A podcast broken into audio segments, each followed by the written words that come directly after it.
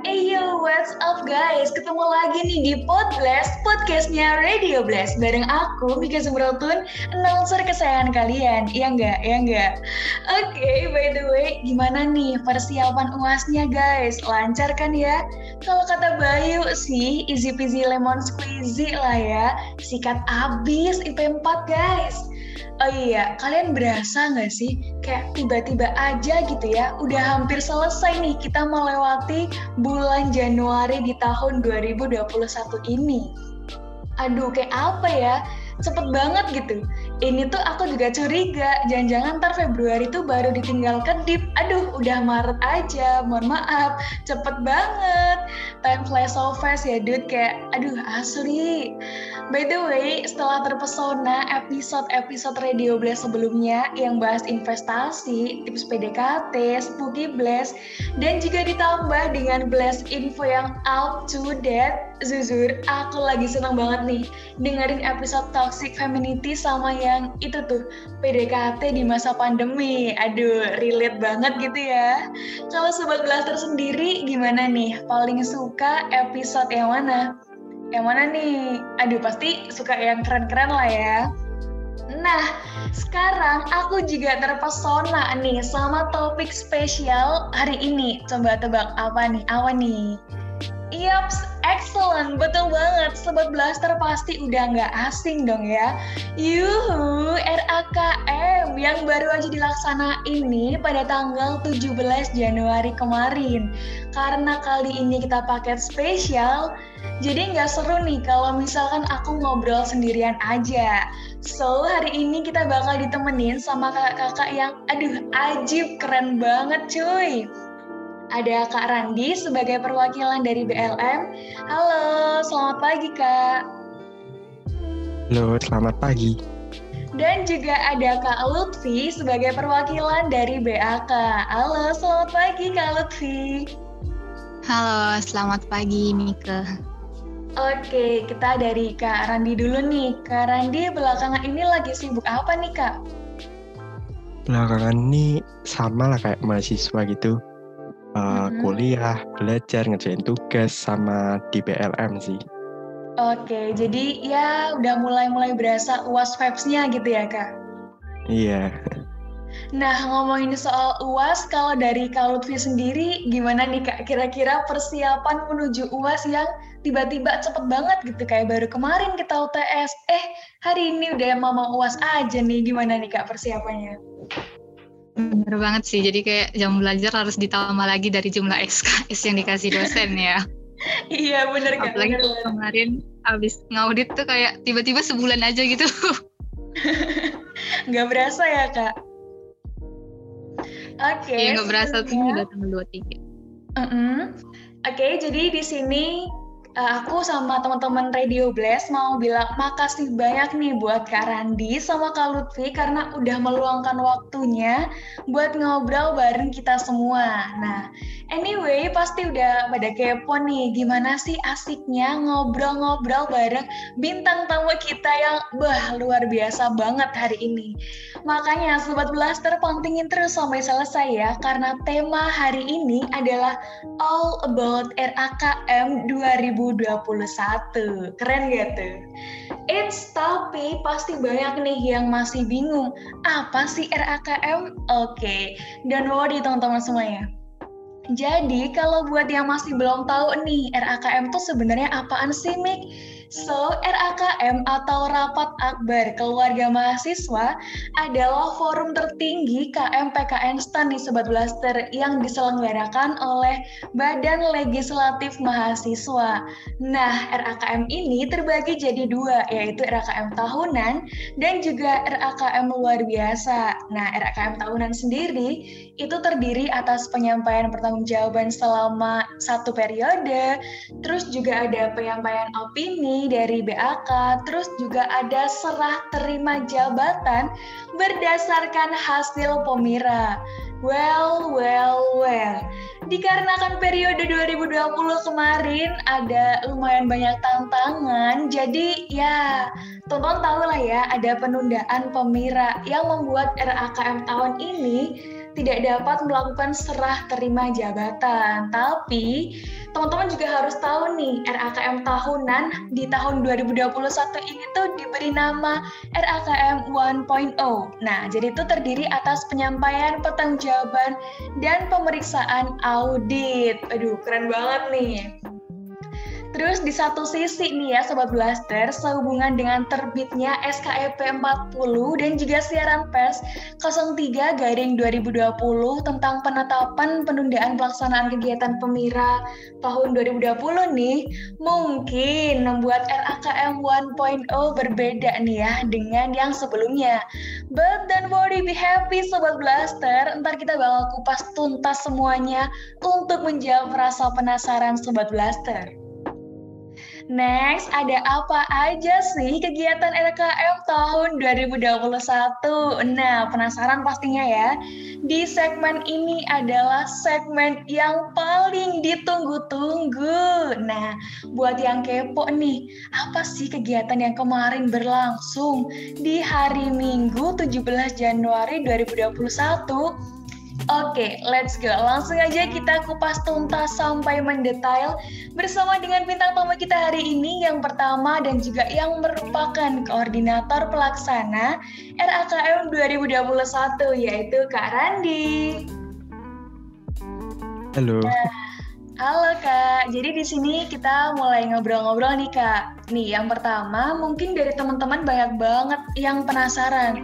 Mungkin bisa dijelasin dulu nih Kak tentang rangkaian kegiatan RAKM 2021 dari awal sampai selesai atau mungkin cuma dilaksanain tanggal 17 Januari 2021 kemarin or maybe masih ada lanjutannya nih Kak ke depan. Nah, mungkin bisa dijelasin dulu nih Kak Randi. Oke, uh, seperti yang sudah disampaikan tadi ya, bahwa RAKM Rapat Akbar Keluarga Mahasiswa menurut TAP PLM nomor 2 tahun 2001 ada dua jenis yaitu RAKM tahunan dan RAKM luar biasa.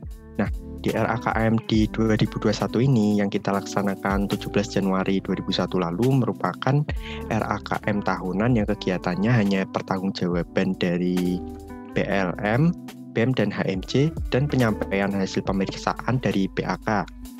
Namun untuk pelaksanaan RAKM pertanggungjawaban, BLM, BEM, dan HMC menyampaikan apa saja program yang telah dilaksanakan, terus bagaimana sih tingkat keberhasilannya, lalu berapa anggaran yang digunakan, dan apa saja yang perlu dievaluasi dari program tersebut. Sedangkan pada RAKM penyampaian pemeriksaan oleh BAK, kami selingi juga nih di sini sama acara penyampaian penilaian hasil kinerja meskipun secara aturan ya uh, penyampaian penilaian kinerja ini nggak diatur gitu. Terus untuk rencana ke depan ya di selain RAKM 1.0 ini masih dipertimbangkan di PLN sih karena sambil melihat sih perkembangan situasi ke depan apakah kita akan melaksanakan RAKM tahunan lagi serah terima jabatan atau RAKM lain gitu.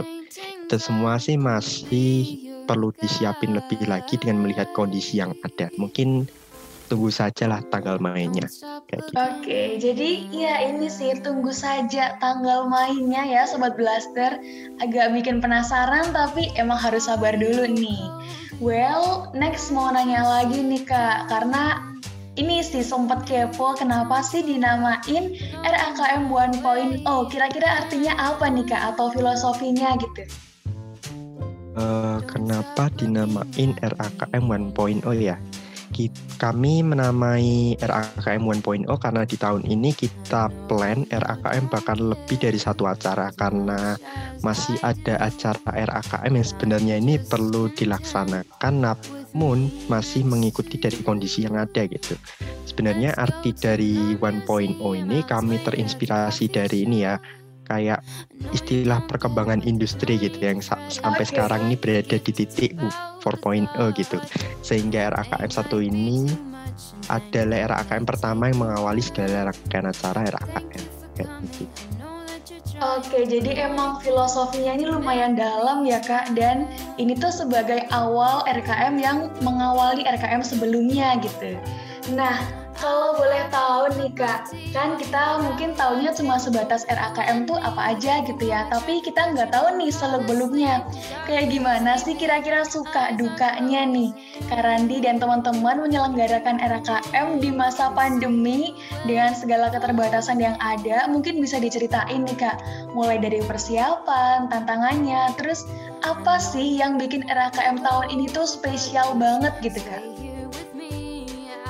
Hmm, mungkin yang hal paling menjadi tantangan ya di masa pandemi ini selain dari penyelenggaraan yang harus melalui dating atau online, ini adanya kebijakan dari lembaga yang membuat dalam penyelenggaraan RAKM ini uh, menjadi pertentangan gitu dengan TAP nomor 2 tahun 2017 tentang PLM dan TAP nomor 11 tahun 2017 tentang RAKM.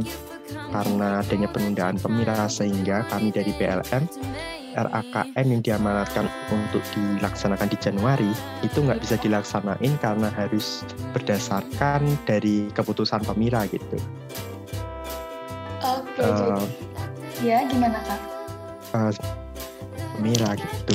Uh, terus untuk melaksanaan terus ada juga di tab 11 nomor tab 11 tahun 2017 tentang RAKM yeah. juga belum nih mengakomodir tentang pelaksanaan RAKM selama di masa pandemi. Nah, di situ tantangannya itu. Jadi kami harus gimana sih merubah tab itu agar sesuai dengan perkembangan yang ada itu.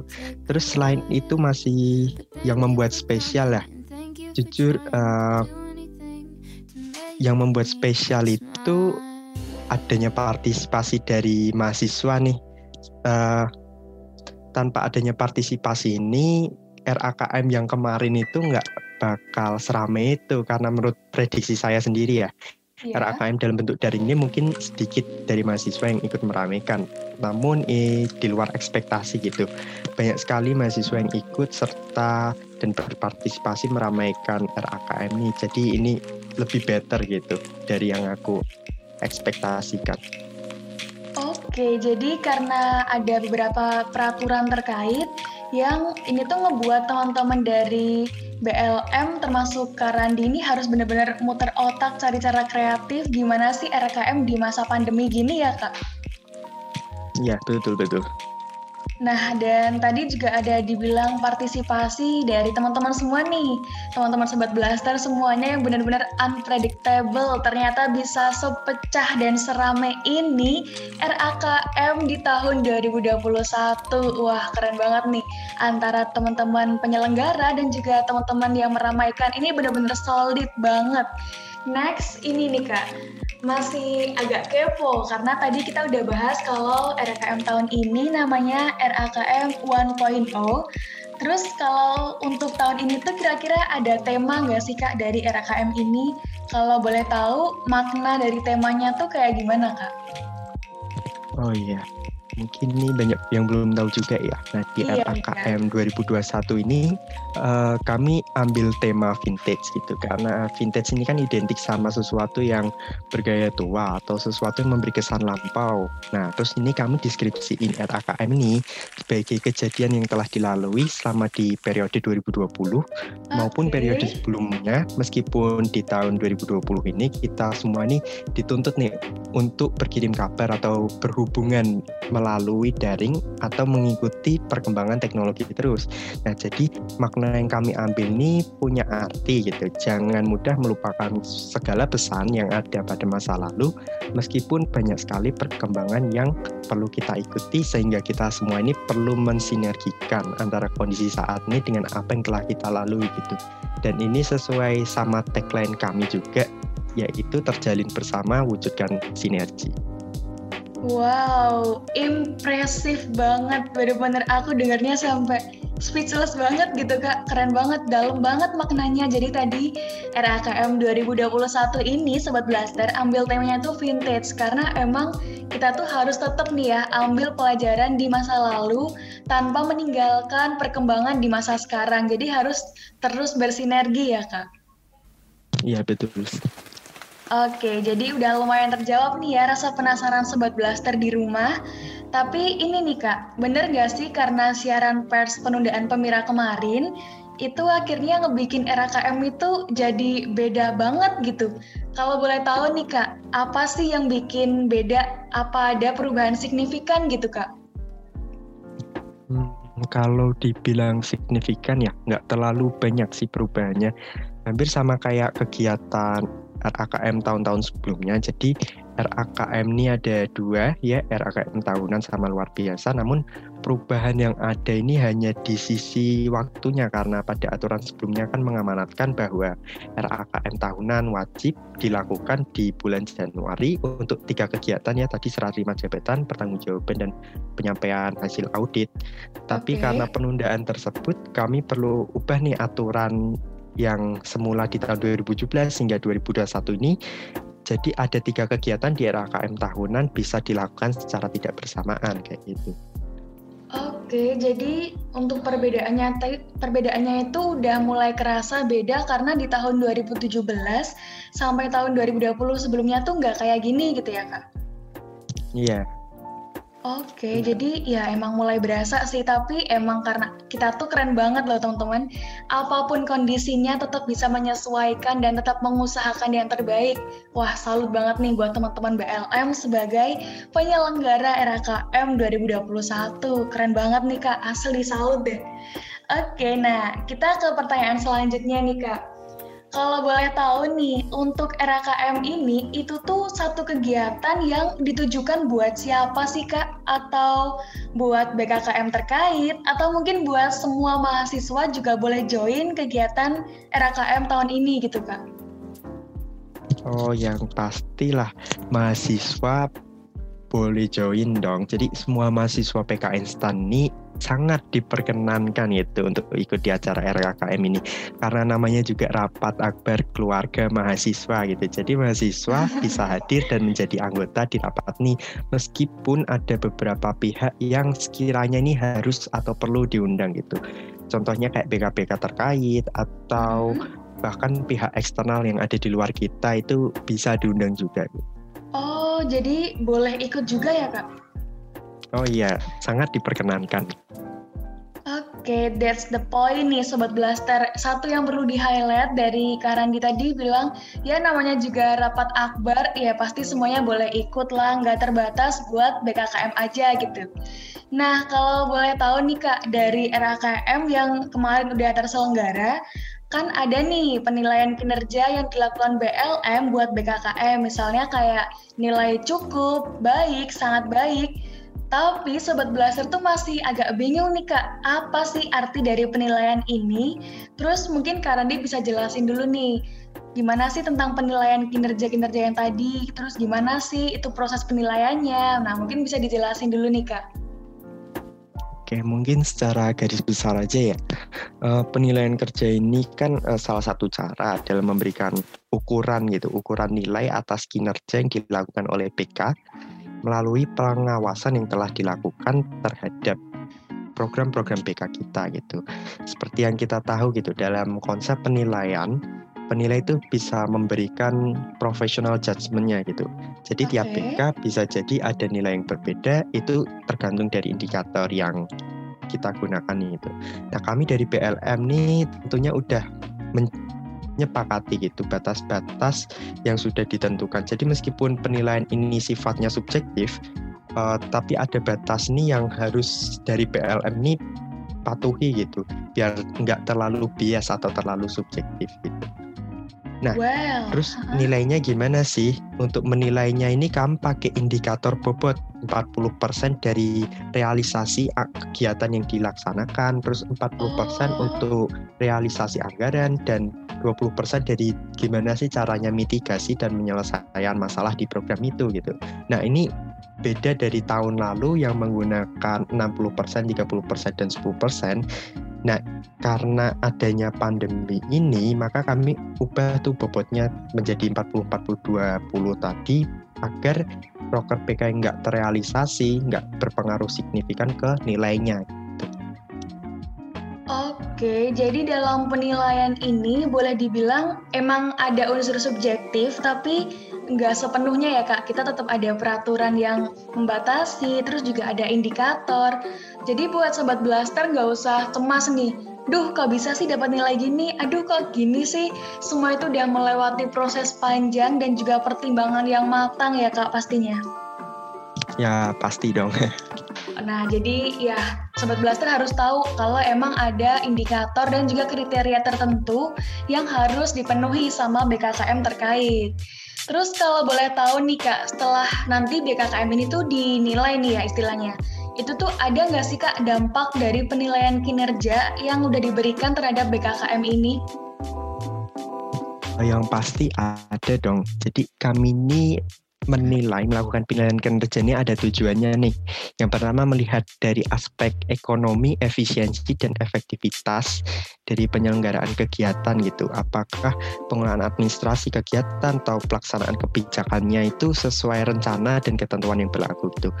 Terus juga untuk menguji dengan program tersebut agar patuh terhadap peraturan. Terus ada lagi juga mencegah adanya penyimpangan, maladministrasi, dalam penyelenggaraan kegiatan. Terus ada juga ini meningkatkan kinerja gitu. Jadi kami mengharap dampak adanya penilaian kinerja ini untuk mencapai tujuan tersebut dan mengevaluasi tiap BKBK ini agar setiap program yang dibawakan ini menjadi lebih baik lagi. Oke, jadi kalau boleh kita bilang nih, ini tuh tujuannya pastinya buat mengevaluasi biar ke depannya tuh tujuan dari BKKM dan juga semua harapannya tuh bisa tercapai ya kak, istilahnya meningkatkan kinerja gitu ya. Iya, betul sekali. Wow, keren banget. Jadi ya ini istilahnya kayak kita lah ya, kayak kita tiap semester ada nih nilai keluar, terus kita bisa evaluasi. Oh ternyata aku kurangnya di sini. Nah nggak beda jauh buat BKKM. Di sini prosesnya emang untuk evaluasi biar ke depannya BKKM itu jadi jauh lebih baik lagi. Wah keren banget. Next ini nih kak, karena tadi kita udah bahas nih ya seputar penilaian dan juga apa sih dampak-dampak dari penilaian kinerja. Terus kalau misal Sobat Blaster ini tuh ada yang ketinggalan gitu Kak, tentang informasi-informasi terkait RKM ini, kira-kira untuk mengakses info lebih lanjut soal penilaian kinerja itu bisa dilihat di mana ya Kak? Hmm, sebenarnya nanti kami juga akan menerbitkan ya laporan hasil rapat RAKM kemari, kemarin, okay. namun kalau teman-teman semua nih penasaran nih kayak mekanisme yang mengatur gimana sih praktik pengawasan yang dilakukan PLM bisa buka di bit.ly garis miring capsok semua JDIH KMPK Instan pada TAP PLM nomor 3 tahun 2018. Oke, jadi buat Sobat Blaster jangan lupa dicatat ya tadi yang udah disampaikan sama Karandi atau mungkin Sobat Blaster ada kelewat ketinggalan bisa diputar lagi nih karena emang tadi udah dibahas tuntas dan juga udah dikasih tahu kalau misal mau akses info lebih lanjut tuh di mana gitu. Well, thank you so much nih buat Karandi udah bersedia jawab-jawab pertanyaan seputar RKM. Nah, selain penilaian kinerja juga nih Sobat Blaster, RAKM kemarin tuh juga ada nih penyampaian opini laporan oleh BAK. Pas banget gak sih? Karena tamu kita yang kedua ini adalah salah satu Dewan Pimpinan BAK. Langsung aja kita ngobrol bareng Kak Lutfi, tapi sebelumnya kita mungkin bakal ini ya, Kak Lutfi bisa jelasin dulu nih tentang BAK itu sendiri tuh kayak gimana, karena teman-teman di sini tuh mungkin masih bingung nih Kak, masih agak clueless.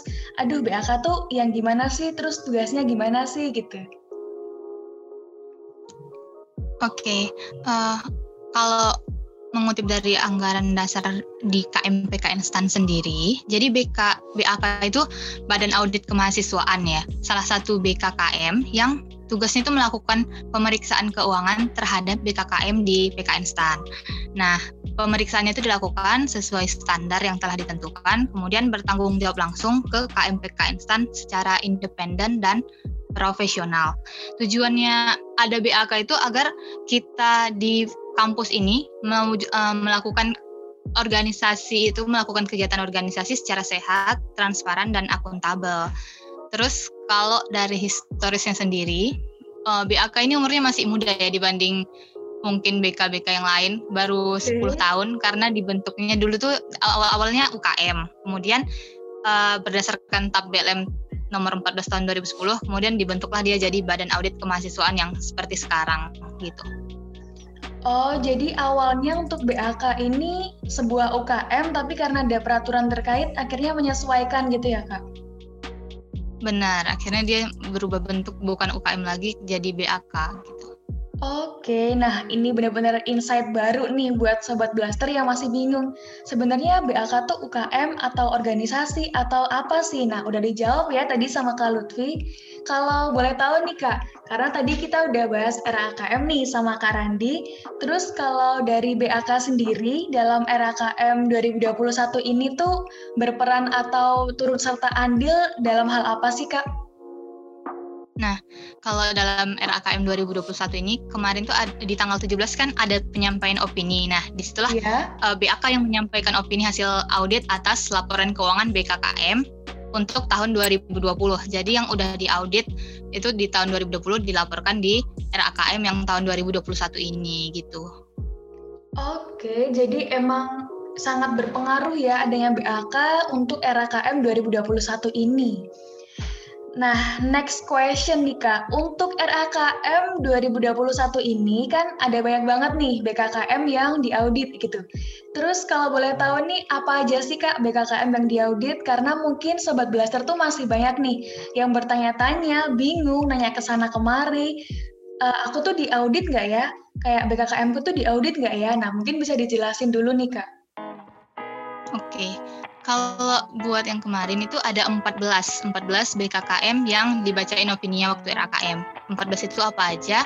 Ada pertama BEM dan BLM itu dua. Kemudian ada 4 HMJ, terus 4 lembaga keagamaan, yeah. tiga badan otonom, kemudian satu lembaga pers mahasiswa yaitu media center. Oke, jadi buat Sobat Blaster yang mungkin kemarin nih masih bertanya-tanya dan bingung, nah udah kejawab kan ya, udah dijawab sama Kak Lutfi, lumayan jelas dan juga rinci nih apa aja sih BKKM yang diaudit. Nah ini nih Kak, mau nanya lagi nih seputar NKM kemarin, kan ada nih BKKM yang opininya tuh beda-beda gitu. Ada yang WTP, wajar tanpa pengecualian, ada WDP, wajar dengan pengecualian, dan juga ada lain sebagainya. Kalau boleh tahu nih Kak, mungkin bisa dijelasin dulu tentang masing-masing opini tuh maksudnya gimana gitu. Karena sobat blaster tuh pasti banyak nih yang masih penasaran bedanya ini sama ini tuh apa gitu. Kenapa teman-teman bikin instastory beda-beda gitu hasil opininya gitu kan oke. Nah sebelum sebelumnya aku jelasin dulu kayak opini itu apa ya. Mungkin teman-teman kayak sering ah itu kan opinimu gitu kan. Nah opini itu kan kalau dalam ranah audit dia tuh di definisinya sebagai pernyataan profesional. Jadi kesimpulan pemeriksa mengenai tingkat kewajaran dari informasi yang disajikan dalam laporan keuangan. Terus opini sendiri ada sebenarnya empat macam, tapi yang WTP itu dikembangin lagi ada satu jadi WTP dengan paragraf penjelas. Nah kalau WTP ataupun uh, kalau dia WTP berarti dia uh, laporan keuangannya secara keseluruhan menyajikan informasi secara wajar. Kemudian memenuhi semua kriteria yang ada untuk memperoleh opini WTP tadi. Yang pertama dia membuat semua laporan keuangan. Kemudian dia eh, memenuhi standar umum audit. Si auditornya memenuhi standar umum audit yaitu dia punya kualifikasi, kemudian dia independen juga eh, melakukan tugasnya secara profesional.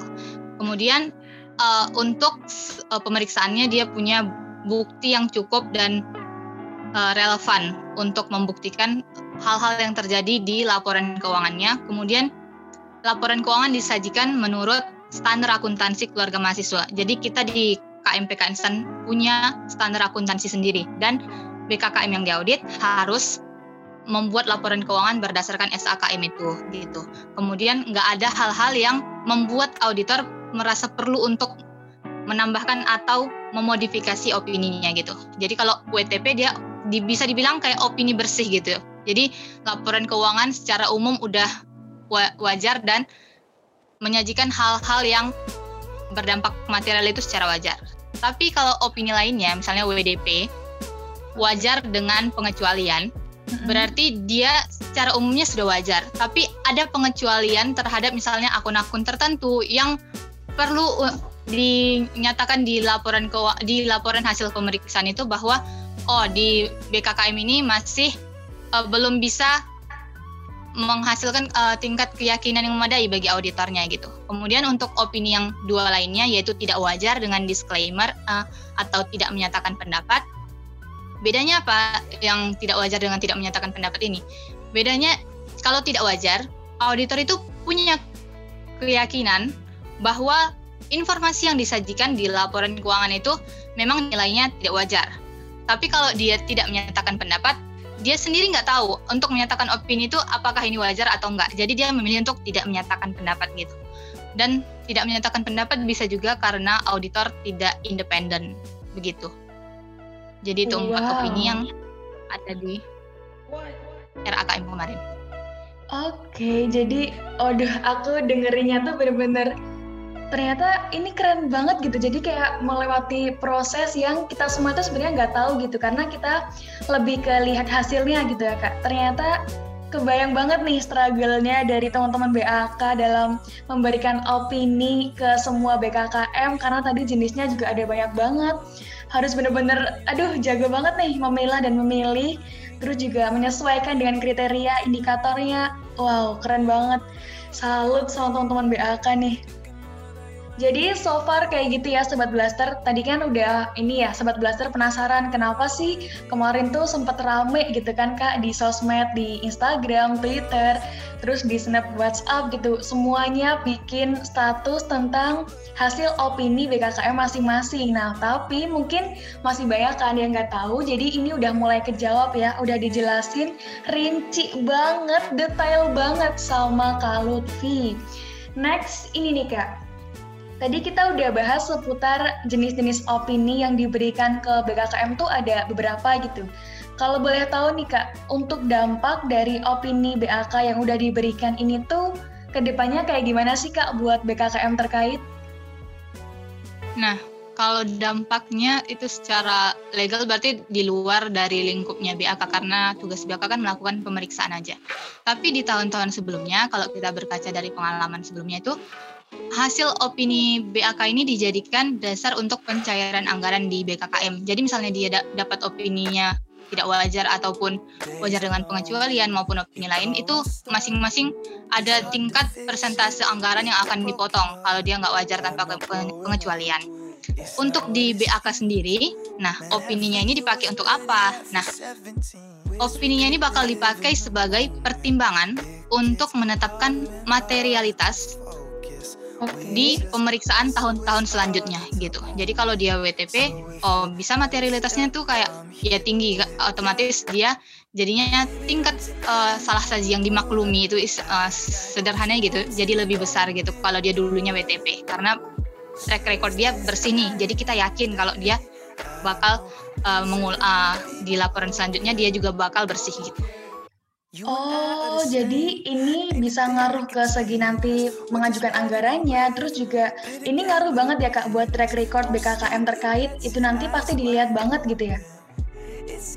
Benar, kalau dari tahun-tahun sebelumnya juga selalu opini tahun uh, misalnya 2020 dipakai ke pemeriksaan 2021 karena auditor tahun depan kan dia uh, nggak punya apa ya pengetahuan yang terlalu besar untuk BKKM itu jadi salah uh, satu sumber yang utamanya ya LHP tahun sebelumnya atau opini auditor sebelumnya gitu.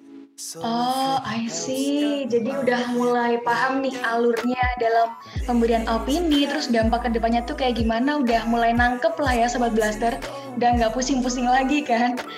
Well, ini nih Kak, kalau dalam memperoleh opini terhadap BKKM yang diperlukan proses audit, Terus itu tuh di dalamnya kan ada proses audit yang lumayan panjang nih kak. Itu tuh kira-kira dari BAK tuh melakukan apa aja sih kak dalam proses audit ini? Nah, dalam proses audit sebenarnya garis besarnya cuma tiga ya, perencanaan, pelaksanaan, sama pelaporan. Tapi begitu dijabarin dia jadi lebih rinci dan lebih ribet. Nah di perencanaan kita kita nyusun. Kita mau ngapain nih? Di audit ini kita mau ngapain? Itu itu kan perencanaan kan? Kita nyusun prosedurnya oh akun ini bakal kita periksa caranya gini gini gini.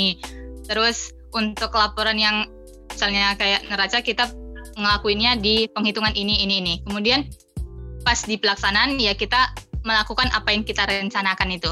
Di pelaksanaan misalnya kita mau nguji akun aset tetap misalnya otomatis yeah. ya gimana caranya? Misalnya nah di situ di di situlah kayak inti dari semua proses audit itu. Kayak tumpukannya kayak 50% bisa aku bilang di situ sih di pelaksanaan. Kemudian di pas pelaporan ya apa yang sudah kita laksanakan kemudian kita temukan misalnya ada temuan-temuan kemudian yang dimuat di laporan itu bukan cuma apa yang kita temukan tapi juga tanggapan dari BKKM-nya, kemudian juga rekomendasi yang kita kasih semuanya dimuat di pelaporan itu. Jadi ya itu sih proses audit untuk menghasilkan opini tadi tiga tadi. Wow, wah, bener-bener hari ini itu episode yang insightful banget karena aku pribadi juga baru tahu nih ternyata dalam proses penilaian audit itu intinya ada tiga yang tadi dari sama Kak Lutfi ada perencanaan, pelaksanaan, sama pelaporan, tapi ini kalau dijabarin bisa-bisa jadi novel nih ya Kak, karena emang segitu panjang, segitu berartinya gitu proses penilaian ini dalam tahap per tahapnya. Oke, makasih banget nih Kak udah kasih insight baru buat teman-teman Radio Blast yang lagi dengerin. Nah, kalau boleh tahu nih Kak, karena tadi aku udah nanya-nanya nih ke Kak Randi kayak gimana sih susahnya gitu ngadain RKM di masa pandemi dengan segala keterbatasan ini. Terus kalau dari Kak Lutfi pribadi, ada nggak sih Kak kesulitan proses audit selama pandemi dan ya kita tahu lah ya ini banyak banget batasan yang bikin kita jadi menemui banyak tantangan gitu Kak. Kira-kira kesulitannya apa aja nih Kak? Nah kalau kesulitannya tuh ya masing-masing di tiga tahap tadi ada kesulitannya kayak di perencanaan kadang kan kita masih bingung kan uh, Ah, nah, audit yang dilakukan jarak jauh ini namanya remote audit. Nah, kita tuh masih bingung kayak gimana sih orang bisa melakukan pemeriksaan. Terus sebenarnya tanggung jawabnya jadi lebih berat gitu. Kenapa? Karena untuk audit sendiri, kalau teman-teman mungkin udah dapat matkul audit, kan tahu bahwa audit ini harus menghasilkan tingkat keyakinan yang tinggi gitu, high assurance. Tapi nggak bukan suatu bukan suatu jaminan sih jadinya. Jadi dia high assurance but not guarantee. Nah, gimana caranya orang yang melakukan pemeriksaan jarak jauh cuman kayak ketemu via daring gitu nah tapi iya. bisa menghasilkan keyakinan yang memadai gimana kita melakukan perencanaannya kayak gitu kemudian pas pelaksanaan otomatis karena perencanaannya terpaksa menyesuaikan dari tahun-tahun sebelumnya yang offline kemudian jadi online jadinya agak berat gitu misalnya eh, yang paling berat di audit tahun ini itu adalah pemeriksaan aset sama uh, kas di tangan ya untuk BKKM-nya. Kenapa? Karena kalau aku dari tahun 2019 2019 itu udah melakukan pemeriksaan. Dan itu lumayan tertolong karena dia offline gitu kan. Jadi aku yeah. bisa kayak ketemu sama uh, pengurus BKKM-nya terus benar-benar keliling Bintaro untuk mengecek aset satu-satu yang mereka miliki. Oke. Okay. Tapi pas pas online ini kayak ada yang mungkin dia dia punya markas di stand terus nggak bisa diakses baik oleh auditor maupun oleh pengurus atau barang-barang mereka ketinggalan di kos dan mereka udah pulang kampung gitu. Itu itu jadi tantangan tersendiri sih. Kemudian buat pelaporannya kesulitannya tuh kayak menemukan uh, cara mengungkapkan kondisi yang kami alami waktu audit ini di laporan hasil pemeriksaannya. Karena beda uh, istilah yang dipakai, jadinya penafsiran antara auditor dengan audit itu bisa jadi beda sih. Misalnya kayak pembatasan ruang lingkup. Pembatasan ruang lingkup itu kayak kalau di audit jadinya kayak kesannya menjelekkan dari BKKM seolah-olah membatasi auditor. Padahal yang kita maksud sebenarnya kayak kita nggak bisa memeriksa gitu. Cuman hanya untuk menyatakan itu jadinya bisa bisa kayak ada perselisihan gitulah untuk mencari istilah yang benar untuk diungkapkan tapi alhamdulillahnya kayak sekarang opini udah dihasilkan dan artinya kayak proses auditnya sudah selesai dan kami bisa melalui itu. Aduh, keren banget sih, iya. Karena bener nih, Kak Lutfi sama teman-teman BAK ini udah done a great job, bener-bener di tengah kesulitan, di tengah ketidakpastian pandemi, tapi bisa mengcover semuanya. Walau ya bisa dibilang ya, tahun ini bener-bener challenging banget, menantang banget.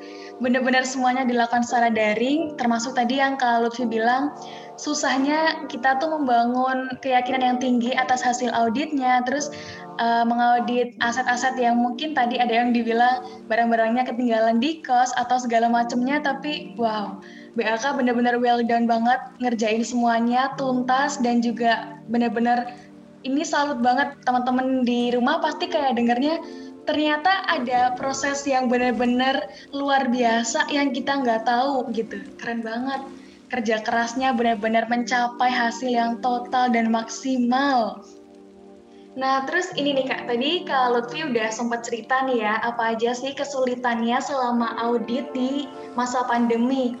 Kalau boleh tahu nih Kak, untuk hasil auditnya, mungkin Sobat Blaster ada yang ketinggalan atau mungkin kemarin berhalangan nih buat ikut RAKM 2021.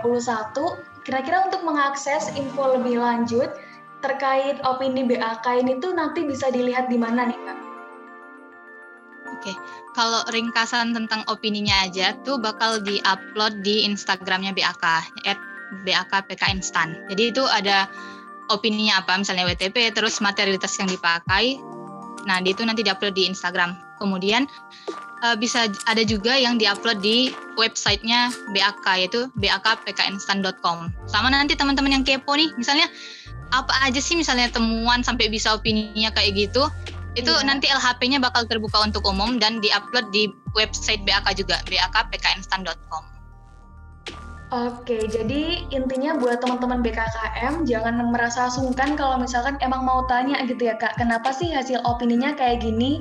Kira-kira apa yang menyebabkan dapat opini kayak gini gitu ya kak?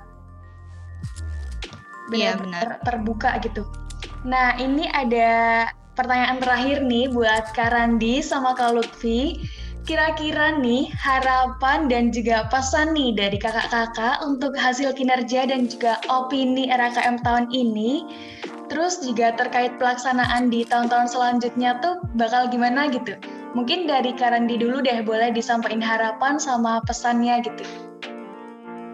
Mungkin langsung aja ya uh, semoga gitu dengan adanya penyampaian hasil dari penilaian kinerja sama hasil dari opini audit BAK ini membuat mahasiswa semua menjadi lebih aware gitu dengan segala bentuk program yang dibawakan di tiap-tiap BK dan pengelolaan uang kita sendiri gitu KM eh, PKN STAN dan semoga ini juga memberi kita semua ruang untuk mengembangkan diri kita menjadi lebih baik lagi di uh, kampus ini kayak gitu.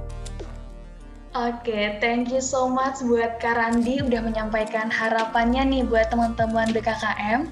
Next, kalau dari Kak Lutfi sendiri gimana nih Kak harapan sama pesannya buat semua mahasiswa dan juga termasuk BKKM yang udah dapat opini di RAKM tahun ini?